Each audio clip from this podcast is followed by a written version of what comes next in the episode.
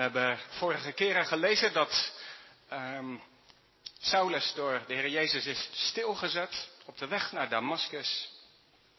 Hij is gaan bidden en roepen tot God. De Heer heeft Ananias naar hem toegestuurd.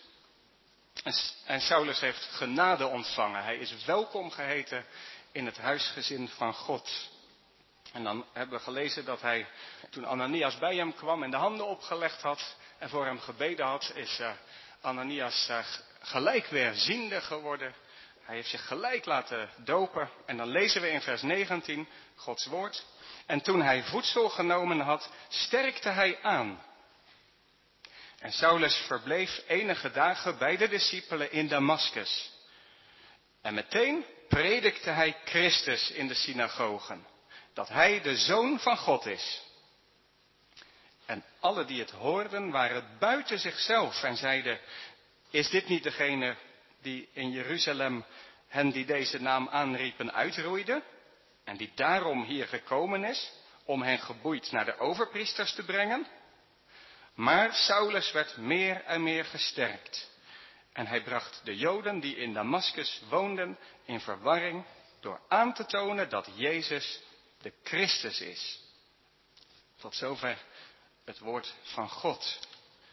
Ik wil met jullie nadenken vanmorgen over het thema uh, de hoofdtaak van de kerk. En als je net goed naar het gebod geluisterd hebt, zoals Jos dat voor ons voorgelezen heeft, dan heb je in dat gebod gehoord wat de hoofdtaak van de kerk is. Ik lees dat nog maar een keer. 1 Petrus 2, vers 9. Daar horen we maar, u bent een uitverkoren geslacht, een koninklijk priesterschap, een heilig volk, een volk dat God zich tot zijn eigendom maakte, opdat, komt ie, opdat u de deugden zou verkondigen van hem die u uit de duisternis geroepen heeft tot zijn wonderbaar licht.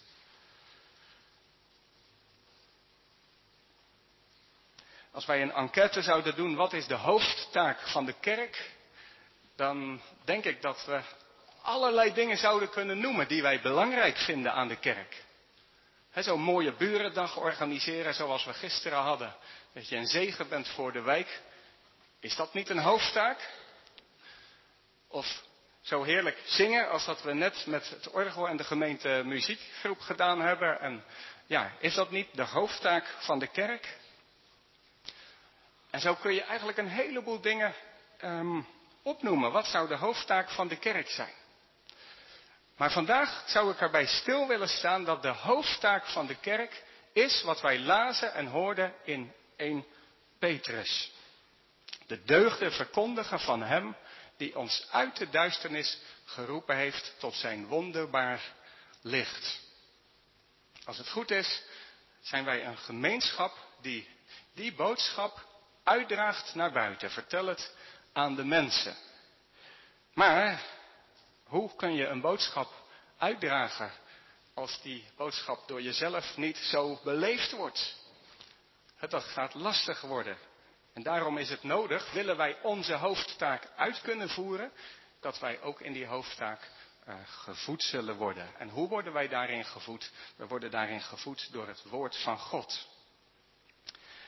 Nou, vanmorgen ontmoeten we Paulus. Paulus die na zijn bekering en nadat hij gedoopt is en verwelkomd is in Gods huisgezin, onmiddellijk naar de synagoge wil. Onmiddellijk naar de synagoge moet, het hoge woord moet eruit. Hij wil Jezus Christus verkondigen.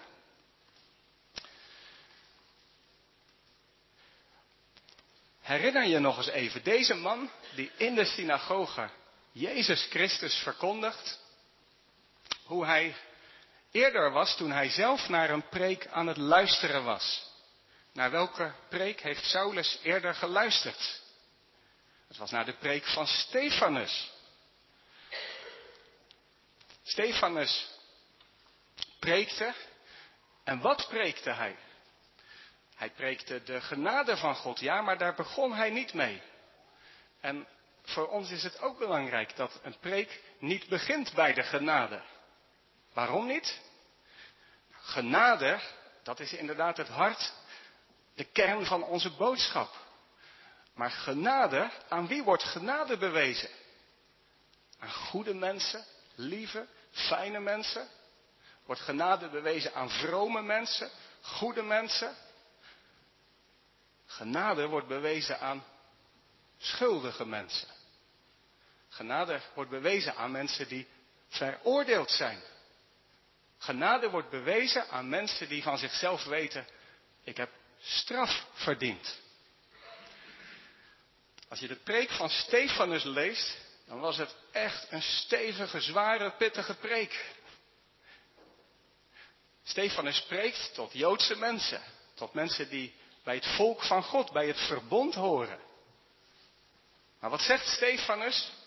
Jullie, net als je voorouders, um, je werpt wat God je geeft van je af. In je hart zit een gebalde vuist naar de hemel. Als God iets tegen je zegt, dan stop je je oren dicht. Je luistert er niet naar. Je wil je eigen baas zijn. Je bent trots. Nou, en zo gaat hij maar door eigenlijk. Met prediken wie, wie, ja, wie we zijn. Dat deed Stefanus niet om te plagen of om zwaar te doen. Hij deed het omdat hij zijn boodschap van genade kwijt wil. Maar nog voordat hij bij die boodschap was aanbeland, barsten de harten van de mensen die het hoorden van woede. Wat? Wij, zondige, slechte, goddeloze mensen, wij mensen die straf verdiend hebben, ze staken, dat staat er letterlijk, hun vingers in hun oren. Ook Saulus, ook Saulus hoort deze preek en hij irriteert zich geweldig. Wij als Nederlanders zouden waarschijnlijk zeggen, een preek die mensen irriteert en voor het hoofd stoot, dat kan geen goede preek zijn. Of als wij een boodschap zouden moeten brengen waar mensen over struikelen, dan heeft het geen zin. Dan kun je het beter niet doen. Maar zo wordt in het boek Handelingen niet geredeneerd. De Heere zendt mensen om te preken en eigenlijk elke keer opnieuw in het boek Handelingen wordt er niet zozeer gepreekt voor hele gelovige mensen die zeggen, ja dank u wel, wat een fijne bemoediging. Iedere keer botst een preek en confronteert een preek en legt een preek dingen bloot. Nou, heeft dat zin? Op het eerste oog niet, want Stefanus wordt om zijn preek gestenigd. En hij kan nog net, terwijl hij aan het sterven is, zijn preek afmaken. Hij zegt, ik zie Jezus aan de rechterhand van God. Dat is het belangrijkste wat we moeten horen in de preek. Dat Jezus aan de rechterhand van God zit. En Stefanus bidt nog, Heere vergeef het hun, ze weten niet wat ze doen. Hij sluit zijn preek af met een gebed. En in dat gebed heeft Stefanus dus voor deze mensen die hem stenigen, en voor degene die de leider van de steniging is, Saulus, hij was niet zomaar een jongetje dat erbij stond. hij was leider, de mensen legden de kleren aan zijn voeten, erkenden zijn leiderschap. Stefanus heeft voor hem uh, niet alleen gepreekt, maar ook gebeden. Heeft dat zin? Nou, vandaag horen we dat het zin gehad heeft. Want daar en toen, onder de preek van Stefanus, die irriteerde, die botste, die voor het hoofd stoten, werd het zaad in het hart van Saulus geworpen. En als we lezen dat Paulus bekeerd wordt, Saulus bekeerd wordt op de weg naar Damascus, is dat dus niet stap 1, maar stap 2. Inderdaad, op de weg naar Damascus zet koning Jezus, de levende koning, zijn vijand stil. Jeruzalem was bang geweest van waar moet het naartoe? dat um, Stefanus is gedood, de gemeente wordt vervolgd en uit elkaar geslagen. Wat blijft er over van het werk van koning Jezus? Nou, wacht maar. Er is er één in de hemel die regeert. Wees niet bezorgd.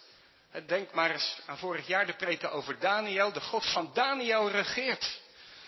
Als er koningen zijn die, die lijken aan Gods volk een einde te maken, God hoeft maar zo te doen. En een koning moet erkennen wie God is. Nou, wat besluit de Heer Jezus? Wat heeft hij altijd al besloten? Ik ga mijn grootste vijand maken tot de grootste verkondiger. En daarom zette de Heer Jezus Saulus toen hij op weg was naar Damascus stil. Hij valt van zijn paard, ziet licht, hoort een stem. Zo worden wij ook wel eens stilgezet. Misschien niet dat je een licht ziet, misschien niet dat je een stem hoort, maar toch. De Heer was niet alleen daar en toen bezig, de Heer is bezig ook met u, met jou. Hij wil niet dat je maar voortleeft en denkt, ik denk dat het wel goed zit. Of ik hoop maar dat het goed zit. Nee, met zo'n boodschap kun je niet leven en kun je al helemaal niet sterven. En daarom zet de Heer ons stil, keer op keer. En wat wil Hij als Hij ons stilzet? Dat we een bijzondere religieuze ervaring hebben? Dat was niet het doel waarom de Heer Jezus Saulus stilzette. In die ervaring die hij heeft, valt er bij Saulus een kwartje. Welk kwartje valt er? Het kwartje valt bij hem. Die preek van Stefanus was waar, van A tot Z. Dus de preek die is gezaaid. Op het eerste oog denk je, wat heeft het voor zin gehad? Maar nu valt het kwartje. Stefanus had gelijk. Degene die op de troon van God gezeten is, is Jezus. Ja, en dan zingt hij weg als hij beseft wat hij gedaan heeft.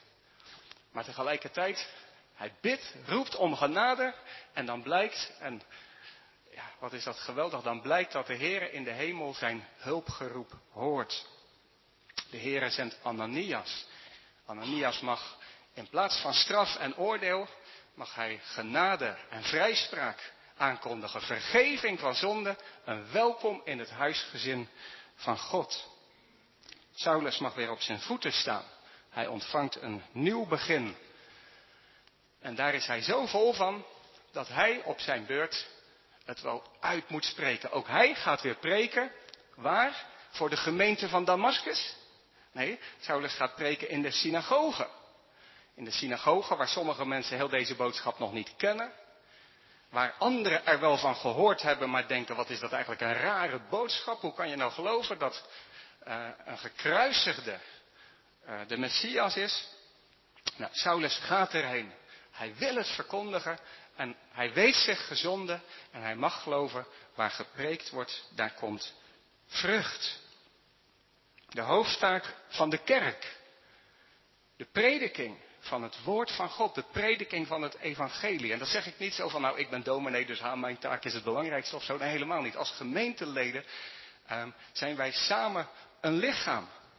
En inderdaad, er is iemand die mag uh, mond zijn, maar tegelijkertijd hebben wij allemaal een mond om de daden van God te verkondigen. En hebben we handen en voeten om ja, die boodschap als het ware warm aan te bevelen, iets te laten zien van het hart van God. Maar het is wel belangrijk, en daar wil ik het echt vandaag wat dieper en verder met jullie over hebben, dat wij inzien hoe belangrijk het is dat het woord van God gepredikt wordt, zodat wij het weer prediken. Het evangelie verkondigd wordt, zodat het evangelie verder gaat. Dat is waarvoor God zijn kerk in de wereld heeft. Houd dat op, dan houdt de zin van kerk zijn in feite op. En dat is niet zozeer dat ik dat zo belangrijk vind of dat dat nou mijn stokpaardje is. Wat mijn stokpaardjes zijn, dat boeit niet zo. Het boeit wat Gods woord zelf zegt. Nou, we zijn al een tijd bezig met te luisteren naar de boeken van dokter Lucas. Als we nog eens even kijken naar het slot van het eerste boek van dokter Lucas. Als je een Bijbel hebt kun je dat erbij pakken. Lucas 24.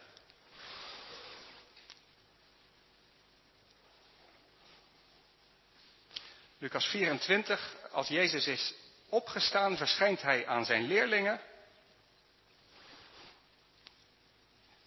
En dan lezen we in vers 44, Jezus zei tegen zijn leerlingen, dit zijn de woorden die ik tot jullie sprak toen ik nog bij jullie was, dat alles vervuld moest worden wat over mij geschreven staat in de wet van Mozes en in de profeten en in de psalmen. Toen opende hij hun verstand, zodat ze de schriften begrepen. En hij zei tegen hen, zo staat er geschreven en zo moest de Christus lijden en uit de doden opstaan op de derde dag. En in zijn naam moet onder alle volken bekering en vergeving van zonden gepredikt worden. Te beginnen bij Jeruzalem. Bekering en vergeving van zonden gepredikt worden. De Heer Jezus gaat naar de hemel. Het grote werk van verlossing is gebracht. Vergelijk het met een ernstige ziekte. Het medicijn is uitgevonden. Maar wat moet er nu gebeuren? Het medicijn moet naar de zieken toe. En hoe brengt God het medicijn naar de zieken? Door de prediking van het woord. Door de prediking van het woord ontdekken wij wie wij zelf zijn. Ontdekken wij onze ziekte, onze zonde, de straf die wij verdiend hebben. Maar door de prediking horen wij ook, er is genade. Roep de naam van Jezus aan. Wie dat doet, ontvangt vergeving. Wie dat doet, ontvangt een nieuw hart. Wie dat doet, wordt een nieuwe schepping. Wie dat doet, die sterft met Jezus, staat op met Jezus, wordt vervuld met de geest van God en van Jezus. Nou, Jezus zegt, dit is jullie taak. En als je dan het begin van het tweede boek van dokter Lucas leest, Handelingen, dan zegt Jezus eigenlijk hetzelfde. Jullie zullen mijn getuigen zijn in Jeruzalem, enzovoorts tot aan de uiteinde van de wereld. Maar eerst moet je de geest ontvangen. Nou, dan krijg je het Pinksterfeest. Wat is dat belangrijk, dat wij met de Heilige Geest vervuld worden? Maar wat gebeurt er als God zijn gemeente, zijn tempel vervult met de Heilige Geest? Wat gebeurt er dan? Dan worden de tongen losgemaakt en dan spreken ze, zo lezen we bij het Pinksterfeest, Handelingen 2, dan spreken ze over de grote daden van God. Allemaal beginnen ze te prediken, te verkondigen. En dan lezen we dat Petrus het woord neemt. En wat doet Petrus? Ja, Petrus confronteert al de mensen die gekomen zijn. En hij brengt de boodschap van zonde. We hebben de Messias gedood. Jullie hebben de Messias gedood. Je hebt Gods straf verdiend. De boodschap van zonde, maar ook van genade. Er is vergeving. Hij is gestorven om je te vergeven. Hij is opgestaan om je nieuw leven te geven. De hoofdtaak van de kerk, de prediking van het woord. Ja, en dan zien we dat er een gemeente ontstaat. Hoe ontstaat die gemeente? Waardoor groeit die gemeente? Op de preek van uh, van Petrus lezen we, komen er 3000 tot geloof. Wat een mooie gemeente, zegt hij, volhard bij het onderwijs. Uh, in het breken van het brood, de gebeden en de gemeenschap. Wat een prachtige gemeente. En als je dan verder leest, hoofdstuk 3 en 4. Petrus uh, geneest een verlamde man. Nou, wat is het doel van de kerk? Is dat genezing? Nou, genezing hoort erbij. Net als aanbidding erbij hoort. Net als een burendag erbij hoort. Maar die verlamde man wordt genezen. En wat doet Petrus dan? Als de mensen samenstromen, prediken. Alweer, prediken.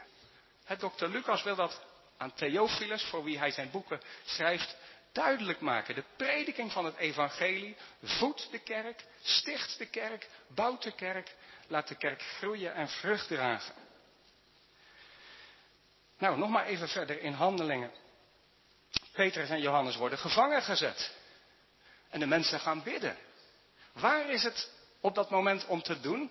Van, oh, arme Petrus en Johannes, dadelijk blijven ze in de gevangenis, dadelijk gaan ze dood. Wat is de zorg? Nee, de zorg is dat de prediking verstond. Met elkaar bidden ze. Petrus en Johannes komen vrij. En wat staat er in Handelingen 4? Zij spraken alle het woord van God met vrijmoedigheid. En staat er daarna weer, en de gemeente breidde zich uit.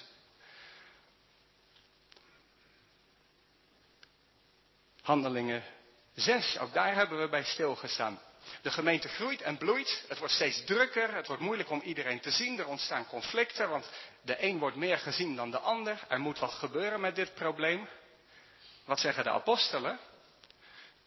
Het past niet dat wij het woord van God verwaarlozen om tafels te dienen. Dus ze zeggen tegen de gemeente, los het op. Maar wij, staat er, handelingen 6, wij zullen ons houden aan het gebed en de bediening van het woord. Nou, dat doen ze. En wat gebeurt er? Er worden zeven nieuwe mensen aangesteld. En er staat gelijk daarna, en een grote menigte van priesters kwam tot geloof. Nou, wat voor mensen worden er aangesteld?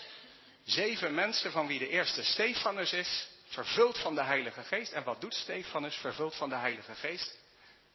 Predikt het woord. voor mensen die erop zitten te wachten. Nee, voor mensen met wie het botst. Maar zoals we zien, en nu komen we weer bij ons schriftgedeelte uit.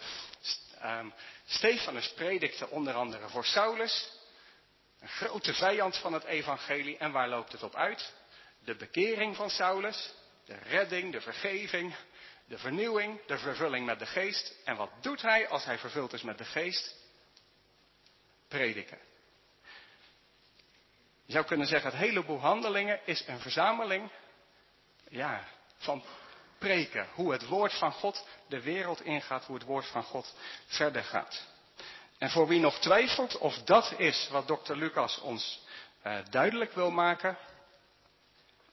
Ja, sommige mensen vinden het niet leuk als je de laatste zin van een boek leest. Maar ik ga het toch maar doen. Als je bladert naar uh, het laatste hoofdstuk van het tweede boek van uh, dokter Lucas, het laatste hoofdstuk van Handelingen, Handelingen 28. Paulus is inmiddels gevangen genomen. Paulus is, uh, zit in Rome te wachten op zijn oordeel. En wat lezen we in het laatste vers van Handelingen? Hij predikte het koninkrijk van God en gaf onderwijs over de Heer Jezus Christus met alle vrijmoedigheid, ongehinderd. Wat is de hoofdtaak van de kerk? De hoofdtaak van de kerk is dat wij met elkaar de boodschap uitdragen. En dat we zorgen dat we in de boodschap gevoed worden.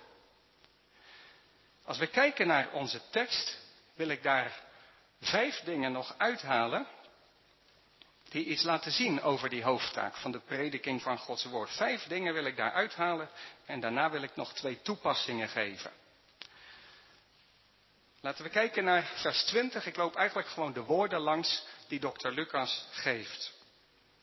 Paulus is bekeerd en dan staat er in uh, Handelingen 9 vers 20. En meteen predikte hij Christus.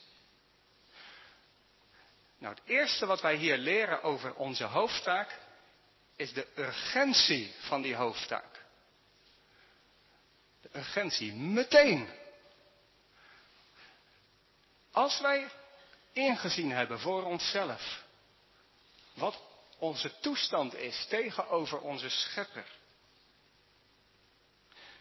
En als wij de naam van de Heer Jezus hebben aangeroepen en hebben gezien, Hij vergeeft mij.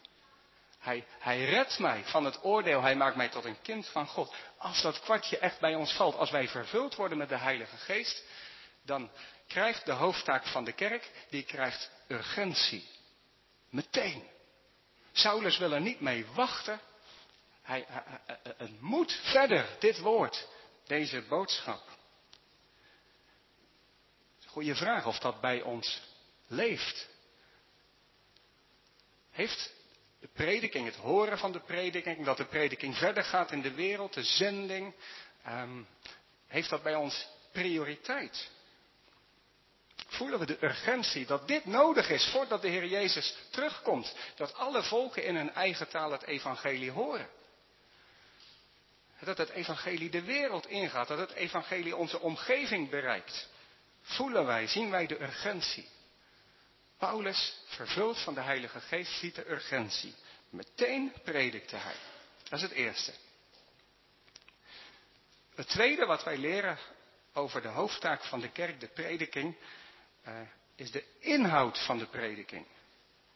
Meteen predikte hij Christus in de synagoge, dat hij de zoon van God is. Het gaat dus niet om preken om het preken, er is een tijd geweest dat de preek uit was. Inmiddels keert het tij weer een beetje. Overal hoor je weer veel meer. Ja, preken is toch wel mooi. Preken is toch wel belangrijk. En vervolgens hoor je, ja, er kunnen allerlei preken zijn.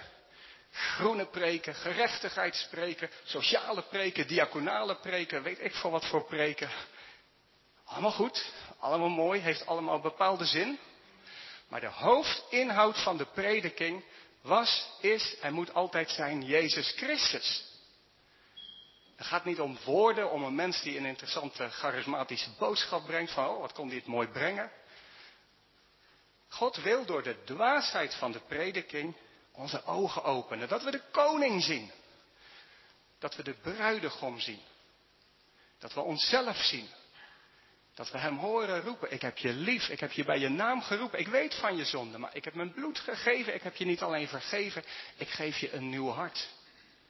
Kijk, zie mij, je bruidegom. En als dat begint te leven, dat je ziet, hij leeft echt, hij is er echt, hij heeft mij echt lief, hij heeft mij echt bij de hand genomen.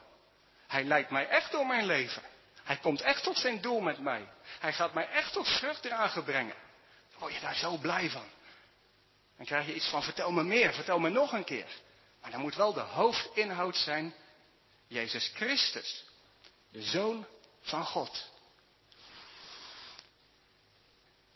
Het is in handelingen de eerste keer dat dokter Lucas schrijft dat gepredikt wordt dat Jezus de Zoon van God is. En tot nu toe was de boodschap vooral Jezus is de Christus. En Jezus is de Christus, dat had Joodse mensen heel veel te zeggen. Want Joodse mensen keken uit naar de Christus, naar de Messias. Dat is hetzelfde woord. En Joodse mensen dachten, nou als de Christus, de Messias komt, wauw, dat zal mooi zijn. Nou, tot nu toe was de boodschap Jezus is de Christus. Maar Paulus predikt, en dat zal hij later nog heel vaak gaan prediken, hij is de zoon van God. En dat was een boodschap die ja, ook een duizelingwekkende impact zou hebben. In die tijd had je het Romeinse Rijk. Zeg maar voor, voor ons voorstellingsvermogen, dat zou zoiets zijn als China, de Verenigde Staten en Rusland eh, bij elkaar. Eén Romeins Rijk en de leider daarvan had de titel, ik ben de zoon van God. Ik ben degene die verlossing brengt voor deze wereld. Nou, Paulus doet hier wel even iets heel spannends in de synagoge.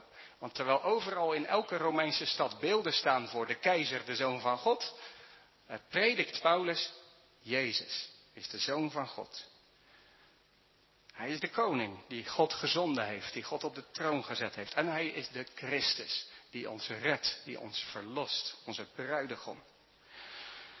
Nou, de, de, de boodschap is urgent en de boodschap heeft een hoofdinhoud, Christus. Laten we als derde stilstaan bij wie het gehoor zijn voor deze boodschap. Meteen predikt hij Christus in de synagogen. En ook dat is iets om even bij stil te staan. Op wie richt hij zijn boodschap? Paulus richt zijn boodschap niet allereerst op zijn broeders en zusters.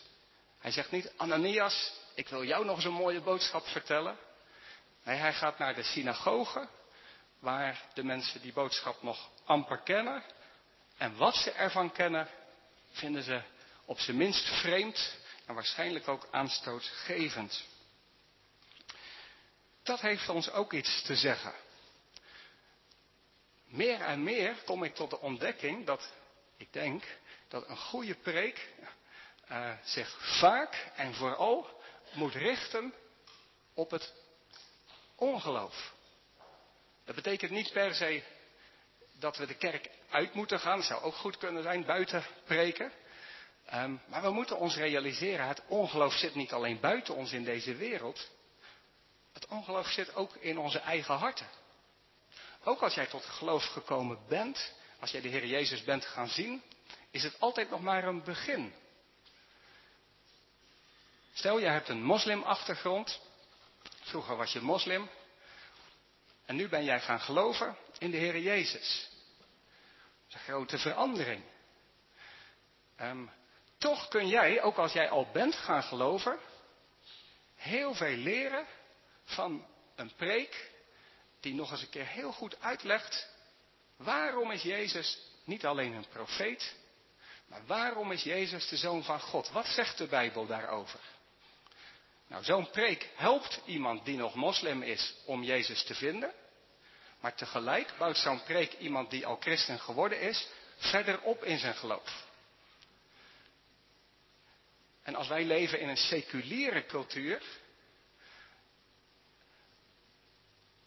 waarin ja, de dingen van deze wereld God zijn, waar je geneigd bent om helemaal in dit leven hier op te gaan, dan is juist voor ons ook belangrijk om te horen ja, hoe het evangelie ons roept om niet deze wereld en dingen die deze wereld uh, biedt lief te hebben, maar um, vernieuwd te worden om de Heer Jezus te kennen en lief te hebben. Nou, wat mij opvalt in het boek Handelingen is, er staan een heleboel preken in het boek Handelingen. En volgens mij is er geen één of bijna geen één preek die gericht is speciaal op, uh, allereerst op de broeders en de zusters.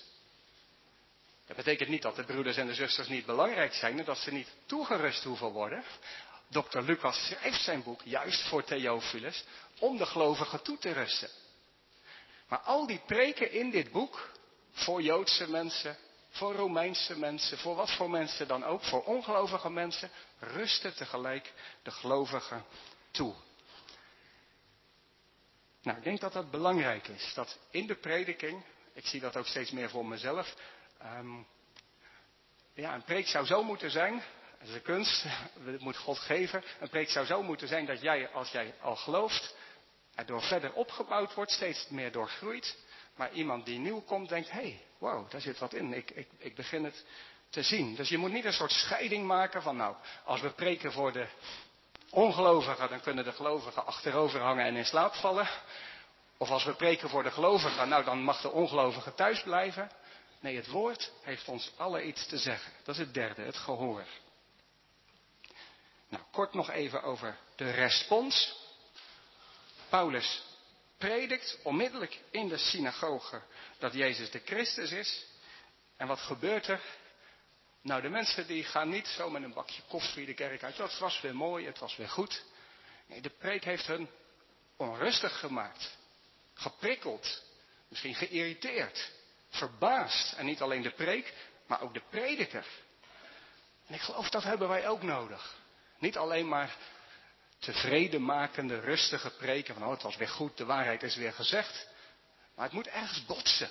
Het moet ergens um, ja, reactie oproepen. Ook weerstand. Actie is uh, reactie. En misschien ook wel niet alleen de boodschap, maar ook de prediker. Hoe bijzonder is het als je um, voor deze mensen dat ze juist de leider van het verzet tegen het evangelie Jezus horen verkondigen. Hoe bijzonder is het als je iemand die imam was, Jezus hoort verkondigen, als je een moslimachtergrond hebt. Als je iemand die eh, een Feyenoord aanbidder was, eh, en je bent zelf ook een Feyenoord fan, uh, hoort verkondigen hoe hij zijn vervulling in Jezus gevonden heeft. Nou, ga zo maar door. Dus de boodschap en de boodschapper moet verbazingwekkend zijn en prikkelend. Vijfde punt over de hoofdtaak van de kerk. Nee, dan moet ik eerst eigenlijk een vraag stellen. Zijn wij een gemeenschap die de boodschap zo uitdraagt in onze omgeving? Staan wij daarom bekend? Weten mensen wat onze boodschap is? Of zit bij ons ook heel vaak niet iets, ja, maar als we die boodschap echt gaan brengen, uh, laten we het maar met daden doen, niet met woorden. Want woorden, dat stoten de mensen zich zo aan. Het, evangelie is niet iets wat wij doen. Het is niet daden. Het is niet genoeg. Als mensen voelen dat wij liefdevolle mensen zijn, het is niet genoeg. Het evangelie is een boodschap over wat God gedaan heeft. Over wie wij zijn, wie Hij is en wat Hij ons te zeggen heeft. En natuurlijk moeten onze daden wel zoeken verbinding te maken. Maar het is een boodschap die uitgedragen moet worden. Doen wij dat? Doe ik dat? Zijn we daarmee bezig? Of is dat een beetje ja, zwak. Het vijfde, waar ik bij stil wil staan, is de kracht om deze boodschap te brengen. De kracht. We lezen in vers 22, Saulus werd meer en meer gesterkt. Dat vond ik wel troostend en wel mooi. Hij was het gaan zien, hij droeg het ook wel uit, maar hij had ook wel meer en meer kracht nodig. En ik denk aan het begin van een nieuw seizoen, ja, is het ook helemaal geen schande om dat tegen elkaar te zeggen. Van nou, het is er wel, maar zou het niet, zou het niet nog meer kunnen? Zouden we niet uh, nog meer kracht kunnen gebruiken? Nou, God wil die kracht geven. U zult kracht ontvangen als u de Heilige Geest ontvangt. Bid om de Geest. Paulus werd meer en meer gesterkt. Gesterkt worden. Twee keer gebruikt Lucas dat als om ons dat even uh, onder het hart te drukken. Van, hè, het is er, als je de Heer, kent, maar je hebt ook uh, kracht nodig. Sterker, nodig om sterker te worden. Hoe werd Saulus gesterkt? Hoe worden wij krachtiger om de boodschap uit te dragen, om de grote daden van God eh, te verkondigen? Hoe maakte Saulus de mensen in Damascus uh, niet alleen uh, dat ze tot geloof kwamen, maar hoe maakte hij hen sterker? Wat was zijn geheim? Moet je nog even goed kijken naar vers 22. Saulus werd meer en meer gesterkt. Hij bracht de Joden die in Damascus woonden in verwarring. Door aan te tonen dat Jezus de Christus is. Nog een keer. Door aan te tonen dat Jezus de Christus is. Aan te tonen. Dit is even niet toevallig dat dokter Lucas dit woord gebruikt. Aan te tonen. Waar haalt Saulus zijn kracht vandaan? Hoe wil hij hen tot geloof leiden en sterken in geloof? Aan te tonen. Wat wordt daarmee bedoeld? Paulus zegt tegen de mensen daar in Damascus, pak je Bijbel eens. Nou, Bijbel, er was nog geen boekdrukkunst en die mensen hadden geen Bijbel. Ze hadden het meeste van de Bijbel uit hun hoofd geleerd. Daar waren ze heel goed in. En het zou voor ons ook niet verkeerd zijn, stukken uit je hoofd leren. Maar Paulus zegt, pak die teksten die je kent er eens bij. Ik wil je iets laten zien. Ik wil vanuit de schrift, vanuit het woord van God je iets aantonen. Iets bewijzen. Ik wil je iets tonen. Kijk eens naar Jezaja 53. Kijk eens naar, nou ja, noem welke tekst dan maar ook. Kijk eens. Dat is wat Paulus zelf ook deed. Hij keek naar de schrift. En omdat God door de geest zijn ogen geopend had, ging hij steeds meer in de schrift zien zijn koning. Jezus Christus, de bruidegom. God regeert. God heeft mij lief. Dus waar haalt Paulus zelf de kracht vandaan? Uit de schrift, het woord van God. En hoe verkondigt hij het woord? Paulus had heel goed uh, zijn eigen verhaal centraal kunnen stellen. Mensen, luister, ik heb een sensationeel verhaal. Moet je eens horen, ik was op de weg naar Damascus. Nou, wat er toen gebeurde, het is niet zo dat hij dat niet verteld heeft. Ook in zijn brieven vertelt hij het drie keer. Je mag getuigen van wat God in je leven gedaan heeft. Moet je ook doen, is belangrijk. Maar Paulus komt en het Paulus gaat. Het is op mij een beroep uitgebracht. Nou, we weten nog niet hoe het verder gaat. Dan kunnen mensen denken, oh ja, hoe gaat het allemaal verder? Um, uh, een gemeente staat sterk als ze zeggen, ja joh, het was fijn dat je er was. Maar je hebt het aangetoond. God heeft je gebruikt om een Bijbel te openen. Ik, openen. ik zie hem nu zelf. Ik ben gesterkt. Ik word gesterkt. Um, het is aan mij verkondigd. Ik verlang het uit te dragen. Nou, de hoofdtaak van de kerk is om op een urgente manier te prediken. Jezus Christus. Ook voor wie het niet geloven. Zodat het een respons oproept. Ook al is het irritatie of verwarring. Te prediken met kracht vanuit het woord van God. Nou, dat brengt ons bij de toepassing. Drie kleine toepassingen. Het eerste is, geeft u, geef jij, geven wij. Uh, de prediking van het woord, prioriteit. Of denk je af en toe, nou, ik slaap maar weer een zondagje uit. Uh, deze zondag heb ik geen behoefte. Geef het prioriteit. Hè? Als je ziek bent, ernstig ziek bent, kun je je medicijn niet missen. Zouden we dan wel de prediking kunnen missen? Um, zien we hoe belangrijk het is als je kinderen hebt. Dat je kinderen, ja, echt het gaan zien. Erin thuis raken.